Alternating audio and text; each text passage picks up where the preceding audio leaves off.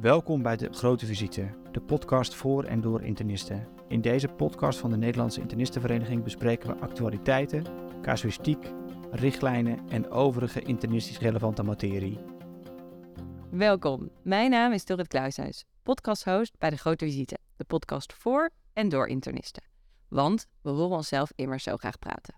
Deze podcast wordt live opgenomen vanaf de Internistendagen 2023. Bij mij aan tafel zitten mijn co-host Dirk-Jan Mons. Hallo. Uh, en vandaag spreken wij Lise Vulpen, internist-hematoloog. Lise, voor we beginnen met deze aflevering willen we graag je een vraag stellen om je wat beter te leren kennen. Wat was jij geworden als je geen internist was geworden?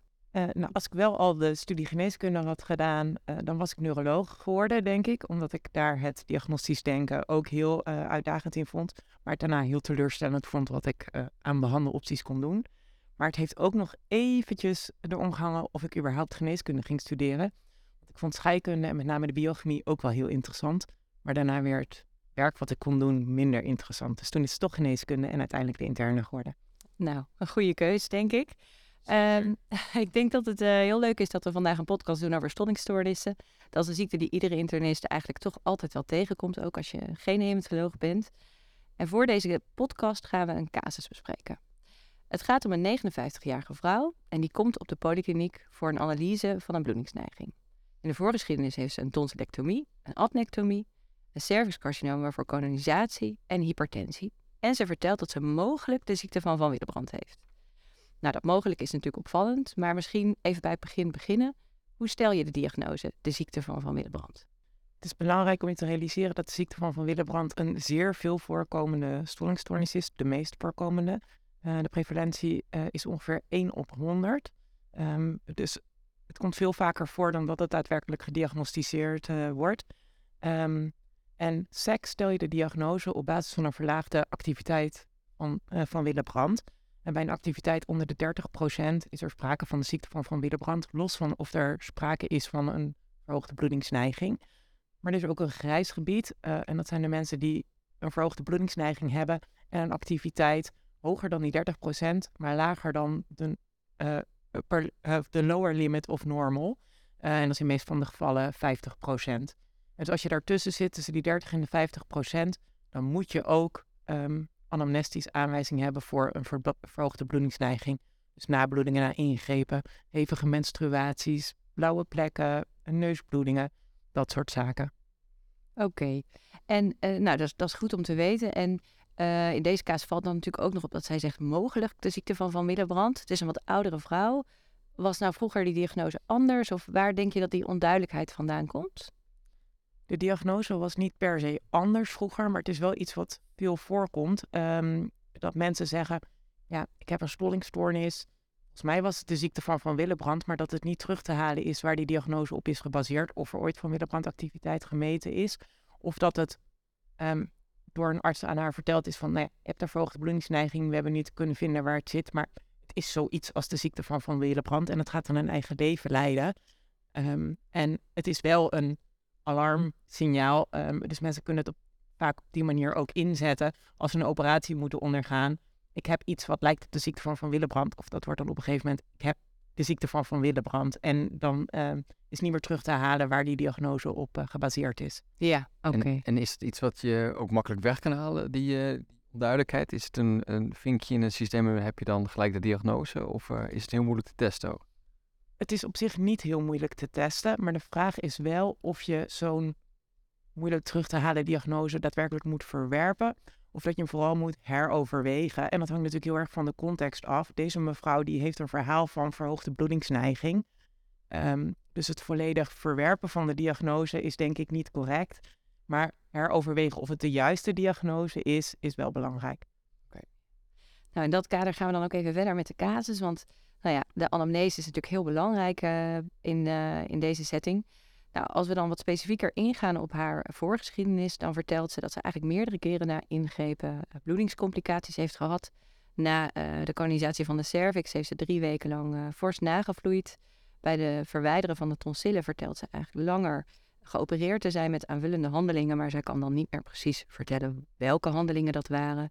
Ook na de bevalling heeft ze een keer een transfusie moeten hebben. Ehm, en ze heeft ook een kiesteoperatie gegaan, ondergaan, maar dat ging eigenlijk zonder problemen. De familieanamnese is natuurlijk ook altijd belangrijk.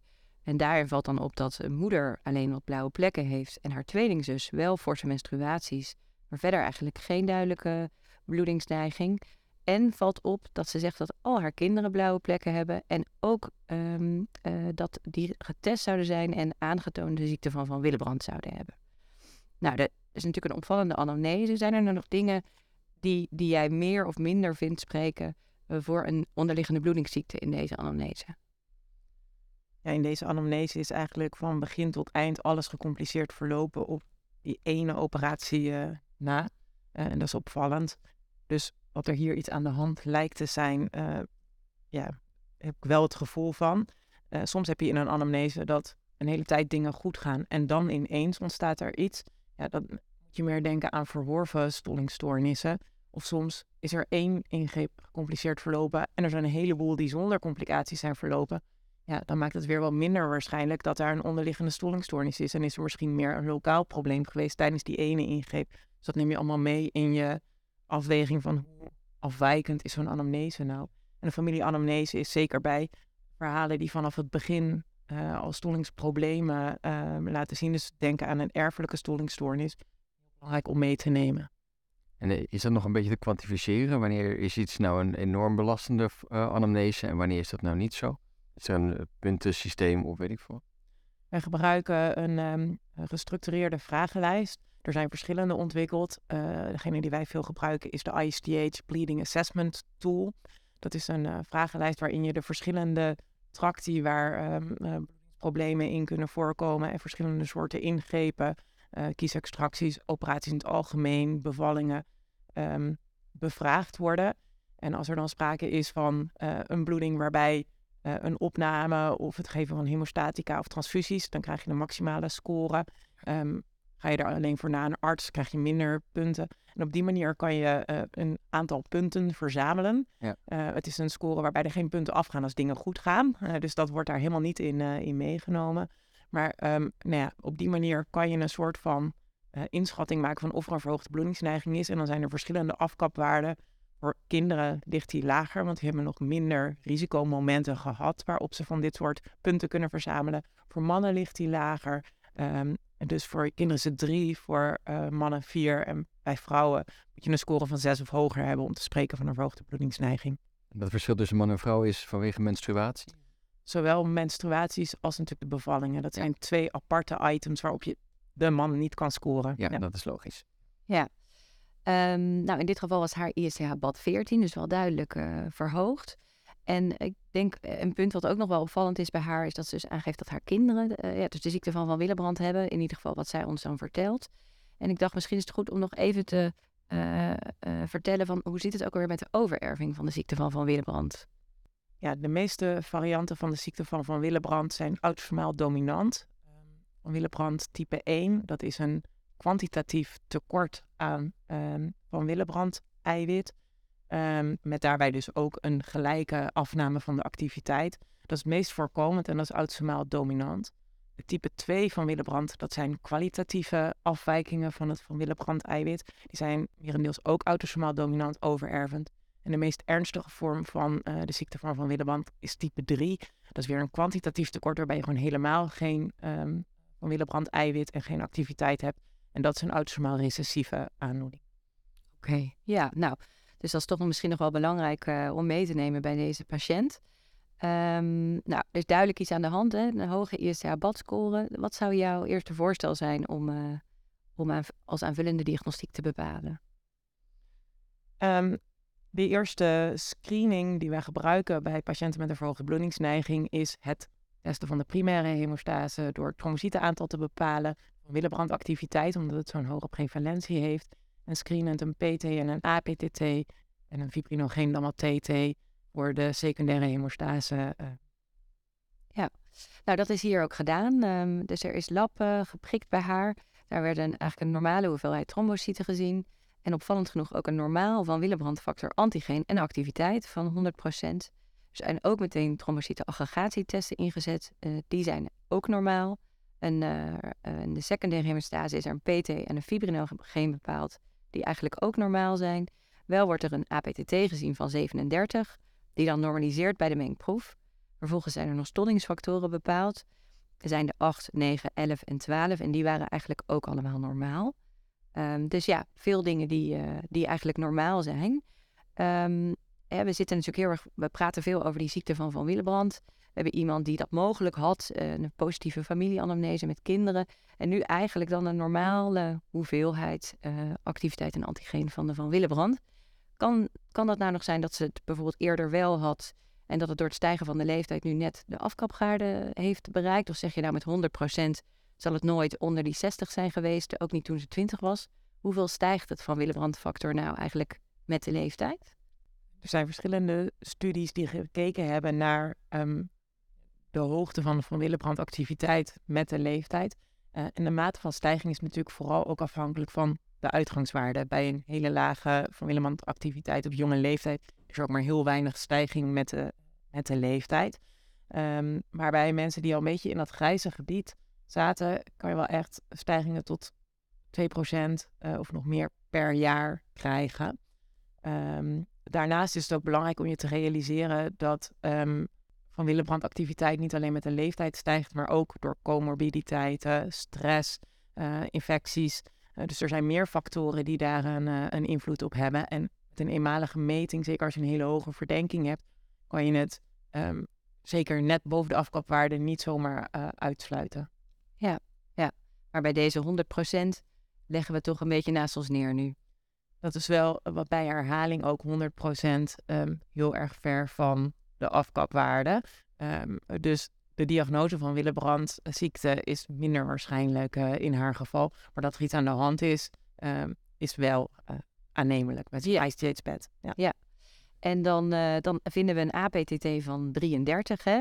Misschien is het goed om, om nog eens even te herhalen van, nou, bij welke APTT denk je nou van, hè, die is dusdanig afwijkend dat dat een bloedingsneiging zou kunnen verklaren? Ik denk niet dat je daarvoor naar um, de mate van verlenging van de APTT moet kijken. Um, de APTT wordt ook veel te vaak als screeningsinstrument ingezet, zeker buiten um, de internistische diagnostiek. Radiologen zijn er dol op voordat ze ergens een interventie gaan doen, omdat ze een soort van zekerheid lijkt te geven, maar dat je absoluut niet voor bedoeld en ook niet sensitief voor. Mensen met een milde vorm van hemofilie, dus een uh, mild verlaagde factor 8 of factor 9 activiteit kunnen volstrekt normale APTT hebben, maar enorme complicaties na ingrepen. Laat je daardoor niet in de luren leggen. Het uh, niet hebben van een verlengde APTT sluit niet uit dat er tekort is aan een van die stolfactoren, want je hebt maar 50% activiteit of zelfs nog wat minder nodig om een normale APTT te hebben. Dus de mate van verlenging zegt eigenlijk niet zoveel. Daarnaast zijn er namelijk ook um, situaties te bedenken waarbij de APTT tot extreme mate verlengd is, zonder dat dit ook maar enige impact heeft op je bloedingsneiging. Um, Wat voor, waar moeten we dan aan denken? Het meest duidelijke voorbeeld, en dat hangt af van welke um, reagentia voor de APTT-test gebruikt worden in je ziekenhuis. Maar uh, als het een lupusgevoelig uh, APTT is, dan kan uh, de APTT tot meer dan 120 seconden zijn, doordat er sprake is van een lupus anticoagulant. Maar ook een, het hebben van een verlaagde factor 12 activiteit heeft totaal geen klinische eh, relevantie, maar geeft wel een verlengde APTT. En ik, ik, vergeet altijd een beetje hoe zat het nou weer met PT en APTT en die verhouding daartussen. Deze mevrouw heeft dan een uh, verlengde APTT, maar niet verlengde PT. Waar moeten we dan wat uh, aan denken? En als het andersom was geweest, waar moeten we dan aan denken? Met de PT uh, meet je eigenlijk de eerste route eh, die via tissue factor activatie van factor 7 geeft. Daarmee activatie van factor 10 en in combinatie met factor 5 uh, activatie van factor 2, trombinevorming. Die factoren meet je in je PT. In je APTT meet je diezelfde factoren minus factor 7 en de versterkende loop waar factor 11, factor 8 en factor 9 in zitten. Dus is er sprake van een geïsoleerd verlengde PT en de APTT is volstrekt normaal, dan is het dus meest waarschijnlijk dat er iets in die factor 7 ja. zit. Er kan ook een milde vitamine K-deficiëntie zijn, want de halfwaardetijd van factor 7 is het kortst van alle vitamine K-afhankelijke factoren. Dus het feit dat de andere factoren nog niet verlaagd zijn of nog niet leiden tot een verlenging van je APTT, um, ehm, sluit dat niet helemaal uit. Als ze beide um, verlengd zijn, dan moet het dus in die gecombineerde pathway zitten, dus factor 5, factor 10 en factor 2 is alleen de APTT verlengd, dan ga je kijken naar factor 11, factor 8 en factor 9. Maar ook factor 12, omdat dat um, de contactactivatieroute is die in vitro gebruikt wordt om uh, te meten. Dus ook andere contactactivatoren zoals high molecular weight kallikrine, prekallikrine worden allemaal meegenomen in die APTT, maar die zijn weer niet klinisch relevant. Oké, en daar, dus daar moeten we bij deze mevrouw wat meer aan denken, aan de 8, 9, de 11 en de 12. Ja, oké. Ja. En die waren ook gemeten, dus dat uh, hebben ze dan goed gedaan. Uh, en misschien is het goed, misschien weten de luisteraars het wel, maar toch ook voor de beginnende AIOS nog heel even, wat doe je bij een mengproef? En welke conclusie trekken we daar eigenlijk ook in deze casus uit? Als er sprake is van een, uh, met name bij de APTT, een verlengde APTT, dan kunnen er twee situaties zijn. Er kan of een absoluut tekort zijn aan een van de factoren, of er kan een remmende antistof zijn die de werking van um, de uh, stolfactoren beïnvloedt. En dat kan je van elkaar onderscheiden door 50% van het patiëntenplasma um, uh, te combineren met 50% gepoeld plasma. Is er sprake van een tekort, dan herstel je dat door het aan te vullen vanuit het gepoeld plasma. Um, is er sprake van een remmende antistof, dan zal je zien dat die APTT niet normaliseert als je dat bij elkaar gooit. Uh, omdat die remmende antistof ook tegen de factoren uit het, patiënten, of, uh, uit het uh, gepoeld plasma um, zijn werking heeft. Wat daarbij nog wel van belang is, um, de meest voorkomende klinisch relevante antistof is de antistof tegen factor 8 um, die verworven hemofilie geeft. Soms heeft zo'n remmende antistof even tijd nodig om te binden aan die andere factoren. Dus soms als je een mengproef inzet en je leest hem heel snel uit, dan krijg je nog wel normalisatie van je APTT. Maar als je hem twee uur incubeert, dan zie je ineens dat die verlengd blijft en dat er dus een relevante antistof is. Ja, nou, dat is goed om dan uh, inderdaad nog even mee te nemen. Um, nou, eigenlijk hè, dus hebben we nog niet een goede verklaring bij deze patiënten van uh, wat nou haar bloedingsstijging veroorzaakt. We hebben wel een duidelijke verhoogde ISTH-bad en, en ook wel echt een uh, verdachte anamnese. Uh, er is net een nieuwe richtlijn uitgekomen over zeldzame stollingstoornissen. Um, met nou, wat adviezen over extra onderzoek die je zou kunnen inzetten. Bijvoorbeeld naar de fibrinogene activatie en, en functionaliteit. Zou je dat bij deze patiënt nou nog inzetten of zie je daar eigenlijk geen, geen reden voor? De vraag is wat de relevantie ervan is en wat de a priori uh, kans is. Zij heeft een aantal zaken die um, wel pleiten voor het verder kijken naar afwijkingen in de fibrinolyse, zoals een verlaten nabloeding naar haar baarmoederoperatie, de slijmvliesbloedingen die zijn menstruaties. Um, dat zou ook heel goed bij een fibrinolyse probleem kunnen passen. Um, dus je zou kunnen overwegen om daar verder naar te gaan kijken. Het lastige van die testen is wel dat ze weinig gevalideerd zijn en er ook een moeizame correlatie tussen de afwijkingen en uh, de hoogte van bijvoorbeeld een antiplasmine of een uh, PAI-1-activiteit is. Um, en in meest van de gevallen de behandeling uit zal komen op het geven van tranexaminezuur, wat sowieso een goed idee is uh, bij slijmvliesbloedingen in, in dit geval. Ja, dus eigenlijk zeg je van nou bij deze casussen misschien niet. En kan je dan een voorbeeld geven van een casus waar je zegt van nou daar zou ik het, zou ik het of, of een voorbeeld van, hè, nou dan zou ik het wel echt inzetten. Nou, als het dus echt vooral verlaten nabloedingen zijn, er zijn um, wondgenezingsproblemen of er speelt veel in een, een familie en er, er zijn uh, fertiele kinderen die ook, waarbij ook nog de vraag is, hebben ze nou wel of geen diagnose zonder dat ze nu al een verhoogde bloedingsneiging hebben. Daarbij kan je zeker kijken van, kan ik nou wel iets achterhalen wat ik dan ook bij hen zou kunnen testen voor hen een, uh, ja, besluit te kunnen nemen of er wel of niet sprake is van een stollingstoornis voordat die zich klinisch heeft uh, gemanifesteerd. Ja, oké. Nou, duidelijk. Um, uiteindelijk is in deze casus geconcludeerd dat er sprake was van een verhoogde bloedingsneiging, maar eigenlijk ECI, zonder duidelijke uh, onderliggende afwijkingen. Um, en um, is het advies gegeven om, als hij, eer, als hij nogmaals een ingreep zou ondergaan, om DDAVP te geven in combinatie met tranexaminezuur. Uh, misschien is het goed om nog heel even te zeggen hoe werkt DDAVP precies en hoe zorgt dat ervoor dat ze nou ja, hopelijk volgende keer geen bloeding krijgt? DDAVP, eh, ofwel desmopressine, dat geven we in hele hoge doseringen om um, eigenlijk een soort stressrespons van het lichaam uh, na te bootsen. En uh, in de vroegere flight reaction is het van belang om alles wat de stolling positief kan beïnvloeden zoveel mogelijk te verhogen. Dus uh, dat geeft een uh, verhoogde activiteit van je bloedplaatjes. een verhoging van de Van Willebrand-activiteit, je factor 8-activiteit en daarmee een volledige ja, rebalans naar een procoagulante staat. Um, dus zeker als er milde afwijkingen zijn, um, dan verhoog je alles daaromheen om die stolling te verbeteren. Ook al weet je niet precies waar het defect ligt en is het op die manier vaak uh, zeer effectief. Ik, ik ken de desmopressine voornamelijk van de diabetes insipidus, waar je het ook bij geeft. Wordt, wordt een nefroloog erg blij als wij dit geven aan de patiënt? Uh, dit is een compleet andere dosering. Okay. En dat is iets wat uh, de afgelopen jaren veelvuldig tot problemen heeft geleid. Want uh, er is een, een neusspray die makkelijke thuistoediening van DDAVP um, mogelijk maakt. Maar die was de afgelopen jaren niet beschikbaar. En dan kregen we soms toch van apotheken te horen van... Oh, we hebben wel een desmopressine neusspray. Maar wij geven 150 microgram per puff. Het is 300 microgram, want je moet twee puffs bij een volwassen patiënt uh, geven. En bij uh, bedplassen geef je 0,4 microgram. Dus dat zijn heel veel flesjes neusspray om hetzelfde effect te bewerkstelligen. Maar het betekent wel dat uh, de belangrijkste bijwerking is dat je een, een hyponatremie kan krijgen als je geen waterbeperking uh, geeft. Oh ja. Uh, of vochtbeperking, dan ge ik me op uh, glad ijs natuurlijk. Wij geven een vochtrestrictie. Oké. Okay. In de 24 uur nadat je zo'n hoge dosering uh, DDAVP hebt gegeven. Ja, helder. Ja, en nou, we geven DDAVP natuurlijk ook bij de ziekte van Van Willebrand. Dus tot op zekere hoogte zou je kunnen zeggen van, nou, we hebben heel veel diagnostiek aangevraagd, maar er is misschien concreet niet zo heel veel veranderd met toen ze binnenkwam en nu. Zie je dat nog anders? Is, is de behandeling die nu van DDAVP en uh, tranexaminezuur bij deze patiënt uh, met haar mogelijke van Willebrand en nu haar bloedingsneiging ECI, is haar behandeling toch nog anders geworden? Ik denk in de meeste gevallen niet. Um, het enige is um, wel dat als zij op een gegeven moment contra-indicaties krijgt voor DDAVP, je wel anders gaat nadenken over welke alternatieve therapieën je dan zou moeten overwegen.